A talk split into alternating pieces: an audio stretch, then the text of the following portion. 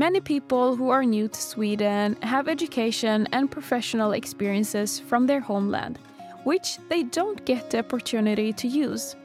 And this is a huge waste of skills and job opportunities. But there is a solution. It's called validation. It's a way to get certificates and papers on your skills so that you can apply for jobs in Sweden.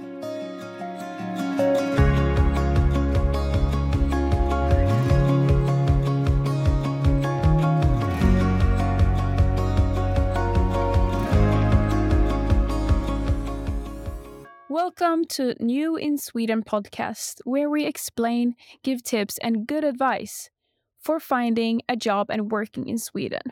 The podcast is aimed for those who are new to the country.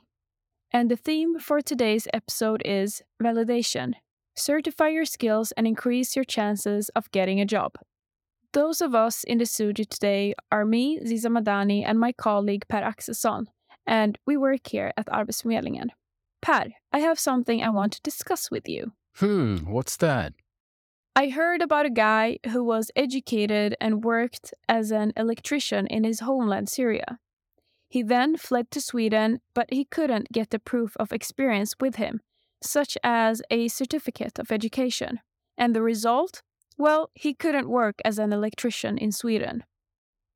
This is precisely what we will talk about today how you can get your knowledge certified to apply for a job within your profession in Sweden. Okay, so this is what's called validation. Exactly. So let's start from the beginning. What is validation? Simply, it's when you get proof of your knowledge. And how does it work? Well, a professional reviews your knowledge through theoretical and practical tests. Then you can get a certificate, a paper for the knowledge you have obtained both from studying and working. So, a validation means that you get a certificate for all your skills, which you can use to apply for a job or a new training course. Precisely. It doesn't matter how you got your knowledge, the most important thing is that it can be demonstrated. After you have completed the validation, you will get a certificate showing what you know you can also get recommendations about which supplementary skills would make getting a job in Sweden easier. So, what should this guy I told you about do now? He should contact Arbetsförmedlingen and ask if he can get help validating his knowledge. So, how long does the validation take? It usually takes around two, three days. The length can depend on your profession, and it can involve both theoretical and practical tests the approach differs. And where can you get the validation? You can validate at different locations around Sweden. Are there more advantages of validation? Sure, it is. Validation can open many opportunities. It can help if you don't have the required certificates or diplomas to apply for education and training or move forward in working life. Who gets help with validation? Those who risk unemployment or job seekers. Arbetsförmedlingen can help you with validation from the day you turn 25 years old. There are exceptions to the age requirement. You can read more about them on our website.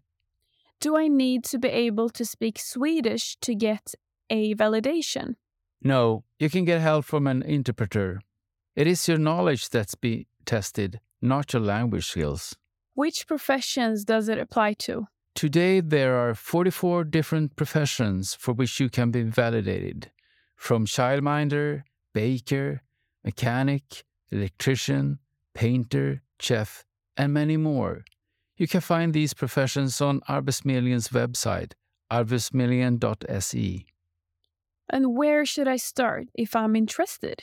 The easiest thing to do is check Arbetsförmedlingens website, arbetsförmedlingen.se. Search validation, and there you'll see which validations are available and in which locations. Great information. We've run out of time, so we need to think about running up. But would you like to give a few tips to our listeners?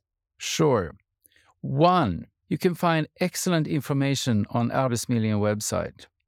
Two, Contact Arbetsförmedlingen and tell us that you're interested in validation. 3. You can even visit one of Statens Service Center offices and ask for more information about validation. And four, if you, for example, have completed education in a country other than Sweden and have your certificate with you, you should contact Universitets och högskolerådet, UHR, the Swedish Council for Higher Education. That was all we had time for today. I hope that this podcast explained the excellent opportunities that you can get from having your knowledge validated. It could be the start for a new job. Thank you for listening and good luck. You have been listening to the New in Sweden podcast by Arbetsförmedlingen. You can find all previous episodes at arbetsformedlingen.se play. Have you got any questions, tips, or ideas?